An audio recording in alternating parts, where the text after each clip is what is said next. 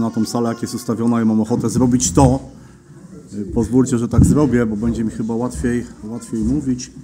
Wiecie, cie- w dzisiejszych czasach czasem ciężko jest mówić o, o jakichś tam rzeczach, albo powiem inaczej, ciężko jest o pewnych rzeczach nie powiedzieć.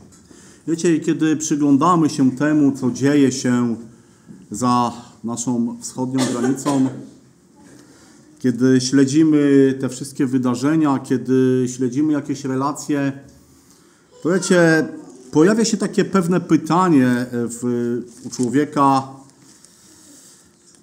dlaczego tak się dzieje? Kto jest winny? Kto jest winny tej całej sytuacji? I kiedy czytamy jakieś fora, wypowiedzi, no to przejawia się tam jedno nazwisko pewnego polityka. Tak? Nie będę mu robił reklamy, ale myślę, że wszyscy wiemy o kogo chodzi. Ale coraz częściej na tych, w tych y, wypowiedziach pojawia się druga osoba, która jest winna. Pojawia się druga osoba, do, co do której ludzie piszą, to jest jego wina. I to nie jest człowiek. Coraz częściej widzimy pytania, dlaczego Bóg na to pozwolił, dlaczego Bóg do tego dopuścił. Widzimy zdjęcia zbombardowanych szkół, szpitali. Widzimy to cierpienie i ludzie coraz częściej zadają pytanie, dlaczego Pan Bóg do tego dopuścił. Wiecie, co ciekawe, zwróciłem uwagę na to, że najczęściej takie pytania zadają ludzie, którzy w swoim życiu nie mają nic wspólnego z Bogiem. Dla których Bóg właściwie w codziennym życiu nie istnieje. I uzmysłowiłem sobie, że tak naprawdę jako ludzie bardzo często, kiedy coś dzieje się w naszym życiu, w życiu ludzi, jakieś nieszczęście, jakieś doświadczenie, to stawiamy na ławie oskarżonych Boga i zadajemy mu pytanie, dlaczego to się dzieje? Dlaczego to zrobiłeś? Dlaczego do tego dopuściłeś? To jest Twoja wina. Wiecie, i bardzo często, kiedy zarzucamy Boga takimi pytaniami, to zapominamy albo nie chcemy wiedzieć, nie chcemy pamiętać, że Bóg nie boi się odpowiadać na takie pytania. Bóg nie ucieka przed odpowiedzią. Co więcej, Bóg odpowiada, ale nie zawsze my, jako ludzie, chcemy słuchać tej odpowiedzi. Czasem jest tak, że nie chcemy zgodzić się z Bożą odpowiedzią. Bo bardzo często Boża odpowiedź nam się nie podoba, bo uderza w nas. Bo Pan Bóg pokazuje, czy to rzeczywiście moja wina, czy to rzeczywiście jest moja wina, kiedy w 2000 bodajże pierwszym roku e, został zaatakowany World Trade Center. Niektórych jeszcze na świecie nie było, ale myślę, że pamię- większość z nas pamięta to wydarzenie. E, Córka Billego Grahama e, miała wywiad w telewizji i zadano jeszcze też jej to pytanie, jak Bóg mógł pozwolić na coś takiego. Wiecie, ja przeczytam to, co ona odpowiedziała. Jestem przekonana, że Bóg jest do głębi zasmucony z tego powodu, podobnie jak i my, ale, już, ale od wielu już lat mówimy Bogu, żeby wyniósł się z naszych szkół, z naszych rządów oraz z naszego życia. A ponieważ jest dżentelmenem, jestem przekonana, że w milczeniu wycofał się. Jak możemy się spodziewać, że Bóg udzieli nam swojego błogosławieństwa, ochroni nas, skoro my żądamy, aby On zostawił nas w spokoju? Wiecie, i powiem tak, kiedy czytałem to raz, bardzo mi się ta wypowiedź spodobała. Ale kiedy czytałem to po raz drugi i trzeci, stwierdziłem, że nie mogę się z tym zgodzić. Dlatego, że owszem, jest tu powiedziane to, jak postępuje człowiek. Bo tak jest. Dzisiaj człowiek wyrzuca Boga ze swojego życia. Wyrzucamy go z naszych szkół, z miejsc pracy, z naszych domów. Wiecie, czasem mi się wydaje, że i w niektórych kościołach Bóg został wyrzucony. Ale wiecie, nie mogę się zgodzić z tym, że Bóg stwierdza: OK, jeżeli mnie nie chcecie, to ja sobie odejdę. Bo kiedy czytam Boże Słowo, to widzę zupełnie innego Boga. To Pan Bóg zawsze jest zainteresowany człowiekiem. To Pan Bóg, y, kiedy człowiek zostawiał go, kiedy na kartach Biblii widzimy wiele momentów, kiedy człowiek mówi: Panie Boże, ja nie chcę mieć z Tobą nic wspólnego, to widzimy Boga, który w swojej miłości mówi: Ja Cię nie zostawię i ja Cię nie opuszczę. I to, że Ty, człowieku, nie jesteś mną zainteresowany, to wcale nie znaczy, że ja nie interesuję się Tobą. To wcale nie oznacza to, że ja nie chcę mieć z Tobą nic wspólnego. Wiecie, bo gdyby Pan Bóg tak powiedział, to Jezus Chrystus nie przyszedłby na ziemię. Bo po co? I kiedy patrzę na Boże Słowo, kiedy patrzę też na te pytania, które ludzie zadają Bogu, stawiając go na ławie oskarżonych, to wiecie, chciałem też zająć się takim tematem, którym kiedyś się też dzieliłem. Chciałem popatrzeć, jakie pytanie Bóg dzisiaj stawia ludziom. Bo wiecie, bo to nie jest tak, że tylko człowiek Boga pyta, ale Pan Bóg w swoim słowie też stawia mi i tobie pytania. Kiedy przychodził do ludzi, on stawiał im pytania. Po co pytamy? Zazwyczaj pytamy po to, żeby się czegoś dowiedzieć, żeby się w czymś utwierdzić, upewnić. Ale wiecie, kiedy Pan Bóg stawia pytanie człowiekowi, kiedy Pan Bóg stawia tobie i mi pytanie, to czy Pan Bóg czegoś nie wie? Pan Bóg wie. Czy Pan Bóg chce się w czymś utwierdzić? Nie, bo On wie, jaki jest stan faktyczny. Kiedy Pan Bóg przychodzi do człowieka, do mnie i do ciebie i stawia ci pytanie, to On chce uświadomić tobie coś. To nie jest tak, że Pan Bóg musi sam sobie coś przypomnieć. Nie.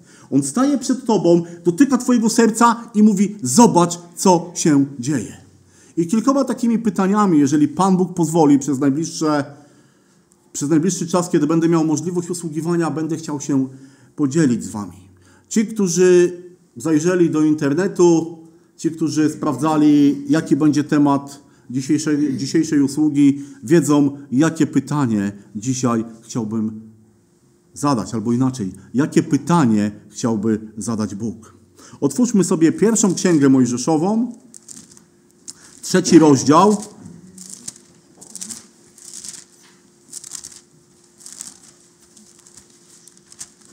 I przeczytajmy pierwsze 13 wersetów.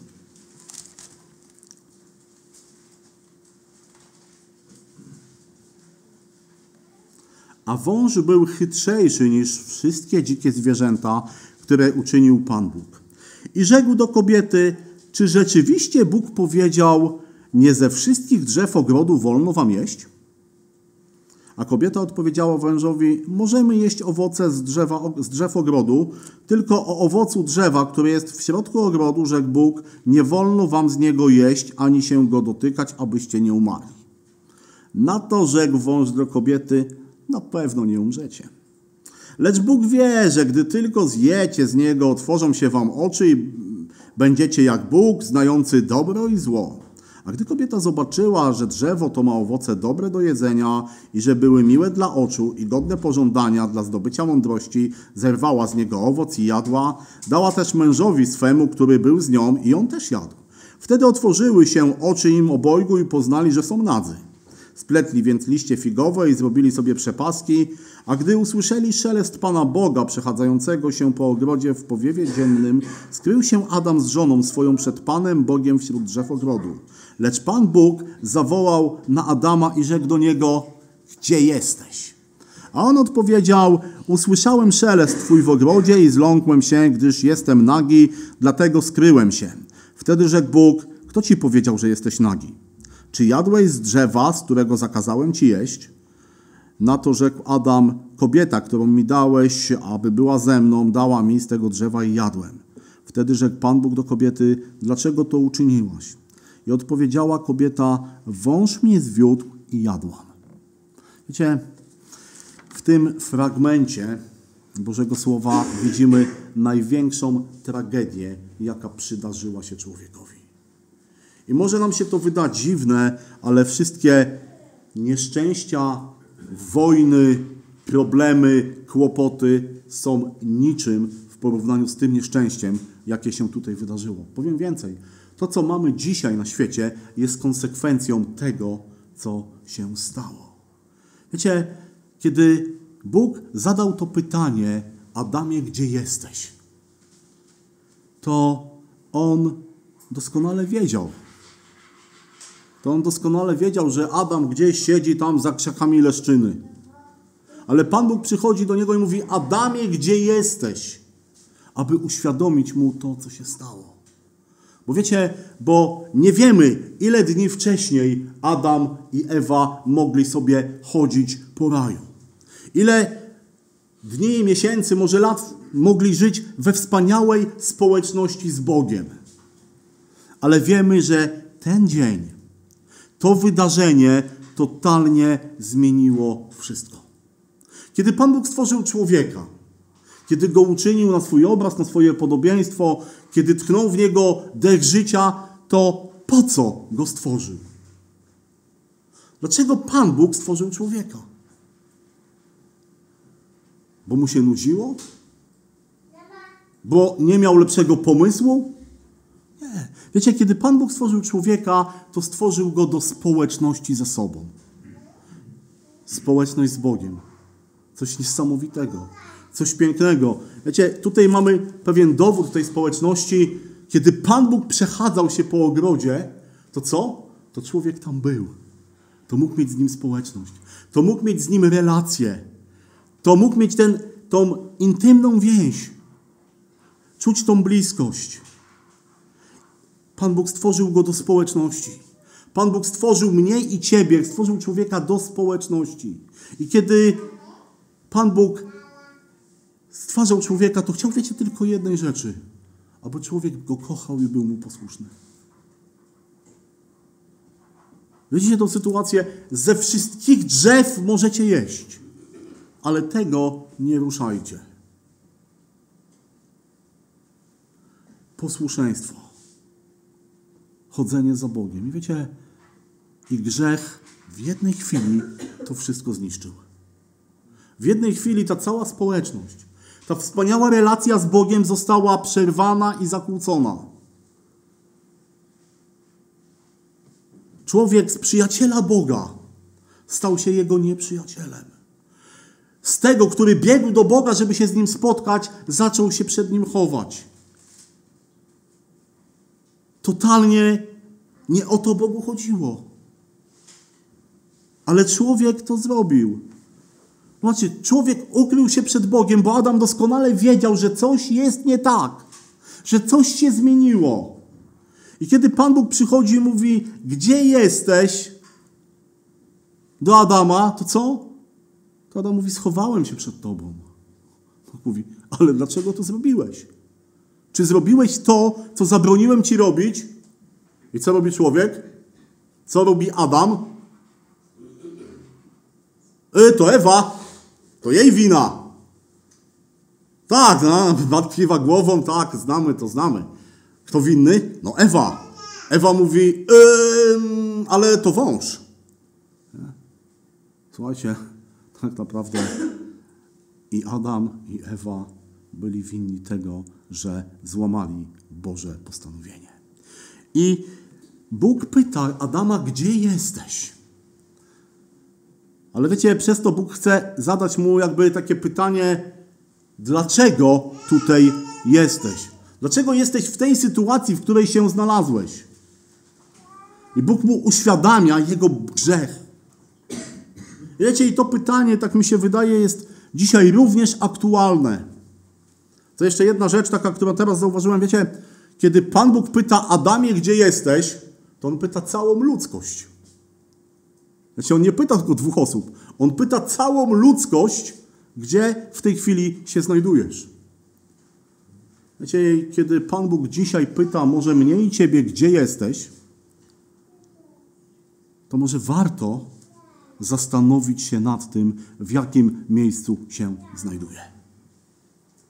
Bo to nie jest tak, że to pytanie było tylko wtedy do Adama. Ono jest aktualne dla mnie dzisiaj, dla każdego człowieka. dlaczego jesteś w tym miejscu. Wiecie, i możemy na to spojrzeć jakby z dwóch, z dwóch punktów, albo może inaczej, możemy spojrzeć na na to wydarzenie jakby z dwóch punktów, w którym człowiek może się znajdować. Bo dzisiaj człowiek może znajdować się w dwóch miejscach. Może być tak jak Adam po grzechu. A więc możliwe, że jesteś dzisiaj tak samo zbuntowany jak Adam. Wiecie, to nie jest tak, że Kościół jest pełen tylko ludzi wierzących. Wielu ludzi w kościele przez wiele lat tam przychodzi, przez wiele lat uczestniczy w nabożeństwach, w społecznościach, ale w sercu jest nieodrodzonym. I dzisiaj wielu ludzi, kiedy Bóg do nich mówi, gdzie jesteś, to jest właśnie dokładnie w tym samym miejscu, w którym jest Adam. Zbuntowany, nie lubiący słuchać o grzechu. Słuchajcie, dlaczego nie lubimy słuchać o grzechu? Dlaczego nie lubimy, kiedy ktokolwiek mówi nam, że robimy coś źle? Wstyd. Co on się będzie wtrącał? To jest moja sprawa, moje życie. Dzisiaj wielu ludzi tak reaguje. Kiedy mówi się im o grzechu, to wiecie, kojarzycie z dziejach, w dziejach apostolskich była taka była historia, kiedy Paweł staje bodajże przed Festusem, przed królem y, Agrypą, przed Bereniką, zaczyna im mówić o Bogu, oni słuchają, ale kiedy w pewnym momencie Paweł dotyka zagadnienia grzechu, to co? O tym będziemy Cię słuchać innym razem. Nie chcemy Cię słuchać.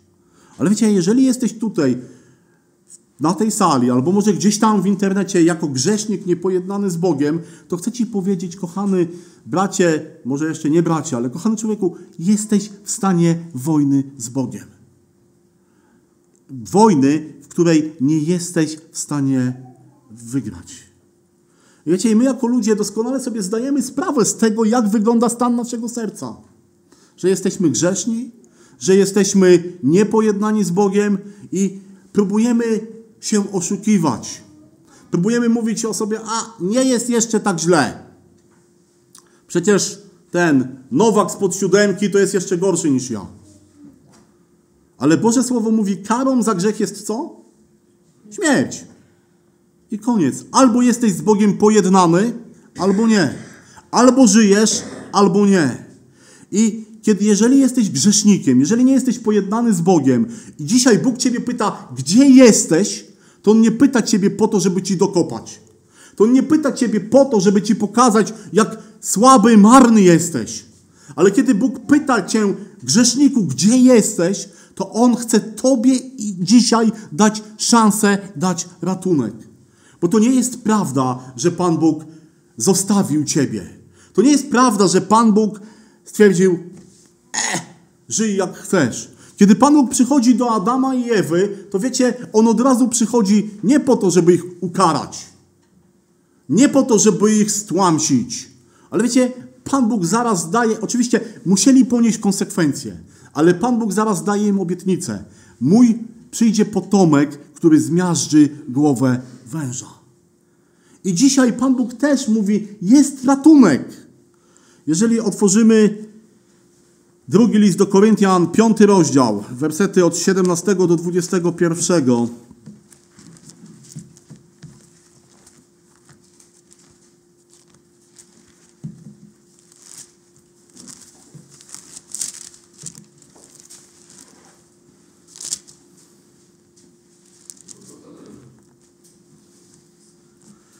Tak więc, jeśli ktoś jest w Chrystusie, nowym jest stworzeniem. Stare przeminęło, to wszystko stało się nowe.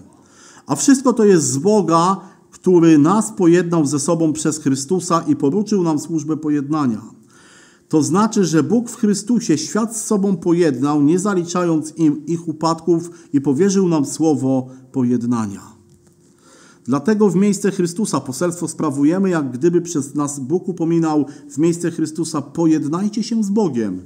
On tego, który nie znał grzechu, za nas grzechem uczynił, abyśmy w nim stali się sprawiedliwością Bożą. Jeżeli jesteś w stanie grzechu, jeżeli może tak jak Adam kryjesz się przed Bogiem gdzieś po krzakach, i mówisz sobie, ja to jakoś sobie poradzę, to jest dla ciebie ratunek. Jezus Chrystus. Ten, który stał się człowiekiem. Ten, który przyszedł na ziemię w postaci człowieka, dał się ukrzyżować, zabić, zmartwychwstał, abyś ty mógł żyć. Bo tak naprawdę to nie on powinien umierać na krzyżu, ale to ja i ty powinniśmy być w tym miejscu. To ja i ty powinieneś być na krzyżu, bo Chrystus grzechu nie popełnił. A ja? Jak najbardziej. Dlatego, kiedy Bóg pyta, gdzie jesteś, to mówi też, bo ja wiem, gdzie jesteś. Ja mam dla ciebie ratunek. Ja chcę, żebyś z niego skorzystał. Tak jak czytamy tutaj w Bożym Słowie, bo ja pojednałem przez, Pana, przez mojego Syna ciebie ze mną. Kto jest w Chrystusie, nowym jest stworzeniem. Dostaje nowe życie w wieczności. Dostaje wspaniałą obietnicę, która jest pewnością, że kiedy Chrystus przyjdzie, ja będę z Nim. I być może dzisiaj jesteś człowiekiem zagubionym. To, to pytanie, które Bóg stawia, gdzie jesteś, może Pan Bóg dzisiaj, teraz, tutaj chce Ci uświadomić, w którym miejscu się znajdujesz i że to nie jest to miejsce, które On dla Ciebie przygotował. Ale wiecie, też jest druga grupa ludzi, do których można e, postawić to pytanie, gdzie jesteś. No bo ktoś może sobie pomyśleć, no tak, no jestem grzesznikiem, to fakt. Ale był taki dzień w moim życiu, że pojednałem się z Bogiem. Przyszedłem do Niego, wyznałem Mu swoje grzechy, otrzymałem Ducha Świętego, dostałem to nowe życie, jestem przez Niego prowadzony. Zresztą jestem we właściwym miejscu. Dzisiaj w niedzielę o przed 11 jestem w kościele, więc tam, gdzie powinienem być. Boże Słowo czytam. I tak naprawdę, no, człowieku, mówisz do mnie od kilkunastu czy tam kilkudziesięciu minut, a właściwie nie mówisz do mnie. Ale wiecie, jeżeli tak jest, to chwała Bogu. Tylko mam takie pytanie. Czy to, że pojednałeś się z Bogiem, zwalnia cię od życia z Bogiem? Dlaczego o tym mówię? Bo wiecie, coraz częściej spotykam się z, taką, z takim twierdzeniem, że jeżeli powiesz odpowiednią formułkę, jeżeli powiesz odpowiednie, odpowiednie słowa, pojednasz się, z Bo wyznasz Bogu swoje, swoje grzechy, to już masz wszystko załatwione. Jeżeli zrobisz to szczerze, to oczywiście tak. Ale wiecie, dowodem na to, że jest to zrobione szczerze, jest to, że Pan Bóg zmienia Twoje życie. Że Ty zmieniasz swoje życie. Że Ty chcesz być człowiekiem, który idzie za Bogiem. I to nie znaczy wcale, że Twoje życie nie będzie wolne od jakiegoś upadku, od jakiegoś grzechu, od jakiejś niedoskonałości, ale jako człowiek wierzący, jako idący z Bogiem, ty, kiedy pojednałeś się z Bogiem, kiedy Bóg cię pyta dzisiaj, gdzie jesteś, to Pan Bóg pyta cię o jakość twojego życia z Nim. Bo wiecie, bo to nie jest tak, że Panu Bogu zależy na byle jakości. Nie my jako ludzie to czasem mamy, e, jakość to będzie. E, może być. E, jako tako. Ale wiecie, Panu Bogu nie zależy na twoim życiu jako tako. Panu Bogu nie zależy na tym, żebyś ty żył byle jak. Wiecie, my czasem jeszcze, jeszcze mamy więcej, bo my przychodzimy do Boga czasem tak jak ten faryzeusz do świątyni i mówimy, Panie Boże, zobacz jaki jestem wspaniały, jaki jestem dobry, zobacz co dla Ciebie robię, to, to, to, to, to, to, to, to, to. Ale wiecie, to, że dużo dla Boga się robi, to wcale nie oznacza, że robi się właściwie. To wcale nie oznacza, że Panu Bogu o to chodzi. Nam się czasem coś wydaje, że Panu Bogu właśnie o to chodzi. Ale jeżeli patrzymy do Bożego Słowa, to wiemy o co Panu Bogu chodzi. Wiecie, i nigdy nie możemy powiedzieć o sobie, że kiedy Pan Bóg mnie pyta, gdzie jesteś, że jestem w takim miejscu, że już lepiej być nie może. Bo Pan Bóg wzywa mnie i Ciebie każdego dnia do uświęcenia. A uświęcenie polega na tym, że każdego dnia, w każdej chwili jestem bliżej Boga niż byłem dzień wcześniej. A jak to jest czasem w naszym życiu? Czy nie jest tak, że czasem mamy góry, doliny i znowu patrzymy na innych i mówimy, e, on jest jeszcze gorzej niż ja. Ale Pan, wiecie, Pan Bóg nigdy nie patrzy w relacji ze mną, z Tobą, na innych ludzi. On patrzy na Ciebie, na mnie i mówi, gdzie jesteś? Czy jesteś w tym miejscu, w którym dzisiaj powinieneś być? Czy nie cofasz się? Czy nie jest tak, że zamiast iść do przodu, ty gdzieś stanąłeś, zatrzymałeś się właśnie w takiej swojej, wiecie, pysze, że o, już jestem taki, taki dobry, taki doskonały, taki święty. A może gdzieś idziesz, gdzieś idziesz jeszcze niżej, może gdzieś schodzisz, gdzieś wracasz. Pamiętacie takiego proroka Bożego o imieniu Jonasz? Pamiętacie jego historię? No wiecie, ten taki od wędkarstwa. Podróżnik. Podróżnik, tak. Słuchajcie, czy Jonasz był Bożym człowiekiem, czy nie?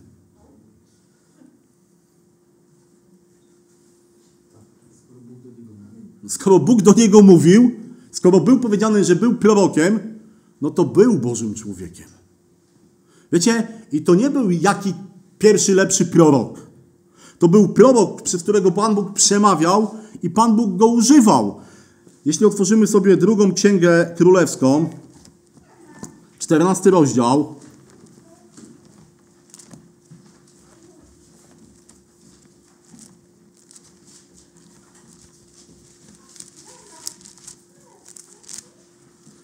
Czternasty rozdział, druga Księga Królewska i wersety od 23 do 25. W 15 roku panowania Amasjasza, syna Joasza, króla judzkiego, objął władzę królewską w Samarii Jeroboam, syn Joasza, króla izraelskiego, a panował 41 lat. A czynił to, co złe w oczach Pana, nie odstąpił od żadnego z grzechów Jeroboama, syna Nebata, w które on wciągnął Izraela, lecz przywrócił Izraelowi granice ciągnące się od wejścia do Hamat aż do Morza Stepowego zgodnie ze słowem Pana Boga Izraelskiego, które wypowiedziałem przez swojego sługę Jonasza, syna Amitaja, proroka z Gad Hedef. To jest ten Jonasz, to jest ten sam Jonasz, przez którego Pan Bóg przemawiał i spełniał swoje proroctwa. To jest ten sam Jonasz, który troszeczkę później przed Panem Bogiem uciekał do Tarszyszu. Kiedy Pan Bóg przyszedł do niego i powiedział: Masz iść do Niniwy, a on, posłuszny, wstaje, idzie na statek, tylko że bilet mu się pomylił i w drugą stronę chciał płynąć. I co? I Pan Bóg przychodzi do niego i mówi: Jonaszu, gdzie jesteś? No, Panie Boże, no, na statku płynę. Ale Pan Bóg mówi: Ale zobacz, nie tu, gdzie ja chcę, żebyś był. Wiecie, może to dzisiaj do mnie i do ciebie też jest pytanie, gdzie jesteś? Gdzie jesteś w swojej duchowej społeczności z Bogiem? Być może nie w tym miejscu, w którym Pan Bóg chce, żebyś był. Kiedy spojrzymy sobie na ten, te pierwsze wersety, które dzisiaj czytaliśmy z trzeciej księgi, y, z pierwszej księgi Mojżeszowej, z trzeciego rozdziału, wiecie, tam jest jeszcze ktoś, kto przychodzi i zadaje pytanie. Szatan. Zobaczcie. Pierwsze pytanie, które człowiek dostał, to było od szatana. Jakie to było pytanie? Czy rzeczywiście Bóg powiedział? Czy naprawdę Bóg to powiedział?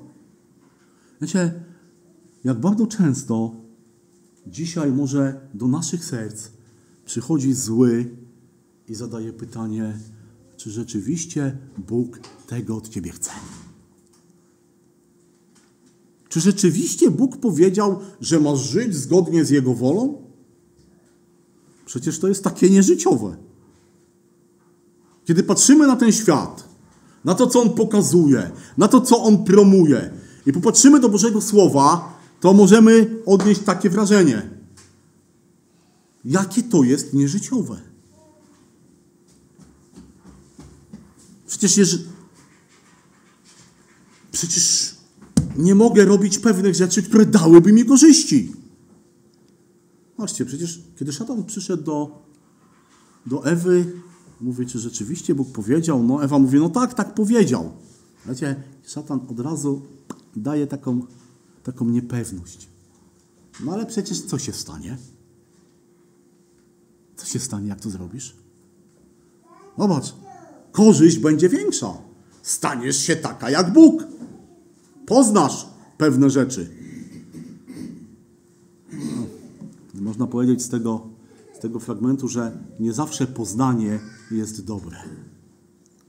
Wiecie, ona poznała to, co jej szatan powiedział, ale nie zawsze to było dobre. Bo to, bo to były, były tego konsekwencje. Wiecie, i kiedy Pan Bóg dzisiaj pyta wierzącego człowieka, gdzie jesteś, to też nie pyta dlatego, że nie wie. Gdzie to nie jest tak, że Pan Bóg teraz w niebie się głowi. Eee, gdzie on teraz jest? Jaki jest jego stan duchowy? Kurczę. Trzeba by, trzeba by sprawdzić. Muszę się dowiedzieć, bo Pan Bóg to doskonale wie. Pan Bóg wie lepiej ode mnie i od Ciebie, jaki jest mój stan duchowy. Ale jeżeli dzisiaj Pan Bóg pyta mnie i Ciebie, gdzie jesteś, to nie pyta dlatego, że nie wie, ale pyta dlatego, żebyś Ty sobie coś uświadomił czy uświadomiła. Żebyś sprawdził, jaki jest Twój stan duchowy. Do jednego ze zborów apostoł Paweł pisze coś takiego, że powinniście już być nauczycielami, a dalej, co? Potrzebujecie czego? Duchowego mleka. Powinniście jeść już pokarm, pokarm stały, a wy ciągle potrzebujecie duchowego mleka. Wiecie, kiedy Pan Bóg powołuje, kiedy Pan Bóg uświęca, to On chce naszego wzrostu. Żebyśmy byli bliżej, bliżej Niego. Gdzie jesteś? I właściwą odpowiedzią, jaką możemy udzielić, to jest to, coraz bliżej Ciebie, Panie. Ale czy tak jest? Wiecie, życie z Bogiem to jest odpowiedzialność. Życie z Bogiem to są relacje. Życie z Bogiem to jest, to jest społeczność. To jest ten czas, kiedy pozwalamy Bogu mówić do siebie, ale też my mówimy do Boga. Kiedy poznajemy Boże prawo i kiedy je stosujemy w swoim życiu. To nie jest tak, że my mamy być uczniami najlepszych biblijnych szkół, słuchać najlepszych biblijnych wykładów, czytać najlepszą literaturę chrześcijańską, czytać przede wszystkim Boże Słowo na zasadzie, no ciekawe, i odejść i zapomnieć to, czego czytaliśmy. Naszym zadaniem, naszym obowiązkiem jest czytać, wzrastać, stosować. Ponieważ to daje, ponieważ do tego jesteśmy powołani. Ponieważ to daje mi i Tobie możliwość świadczenia o Bogu. W drugim liście do Koryntian, w trzynastym rozdziale, w piątym wersecie też Pan Bóg zachęca nas do, do tego. Kiedy czytamy te słowa,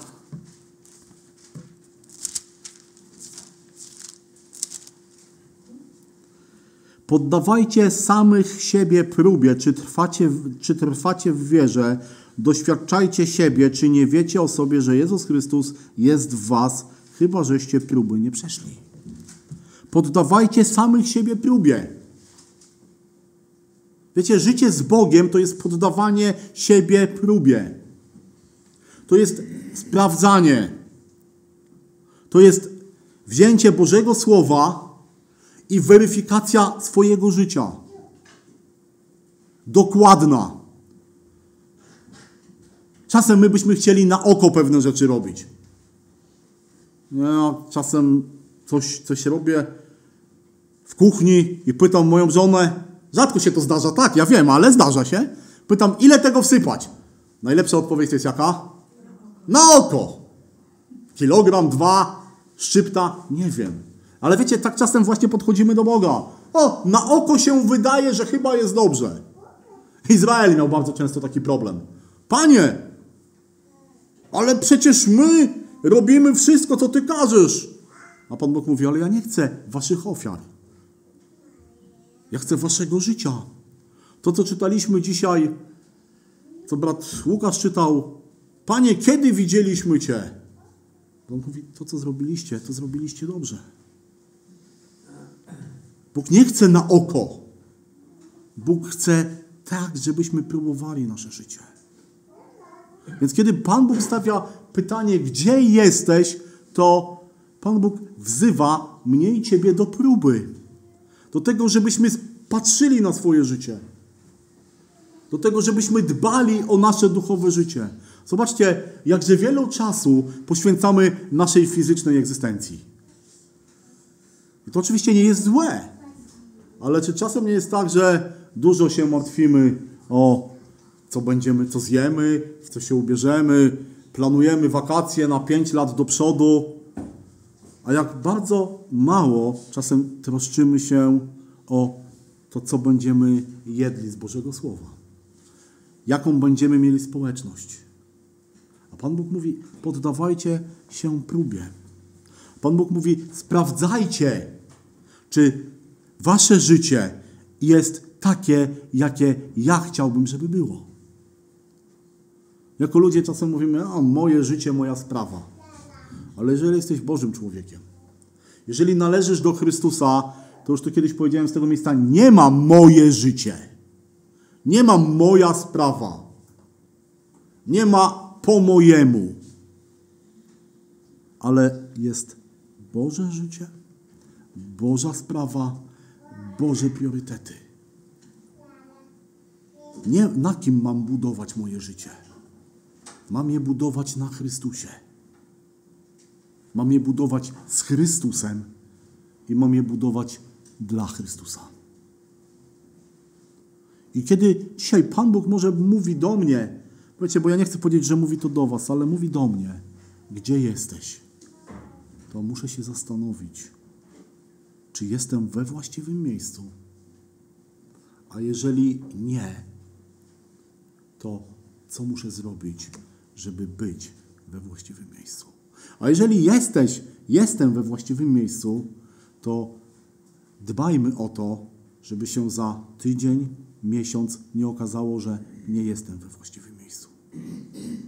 Bo wiecie, bo szatan to jest taki, taki gość, który nie zostawi cię w spokoju. Szatan nie zostawi cię w spokoju.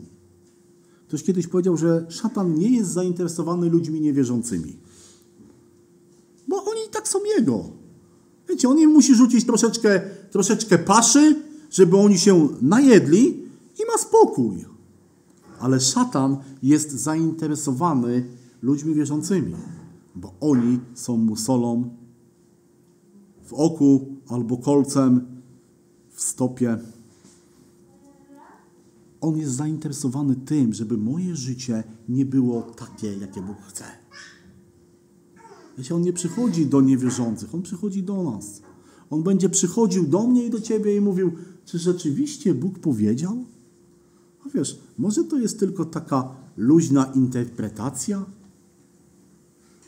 Może to tak naprawdę dotyczyło tylko kogoś tam w Rzymie, w Tesalonikach, ale ciebie? Dlaczego? Po co masz się tak męczyć?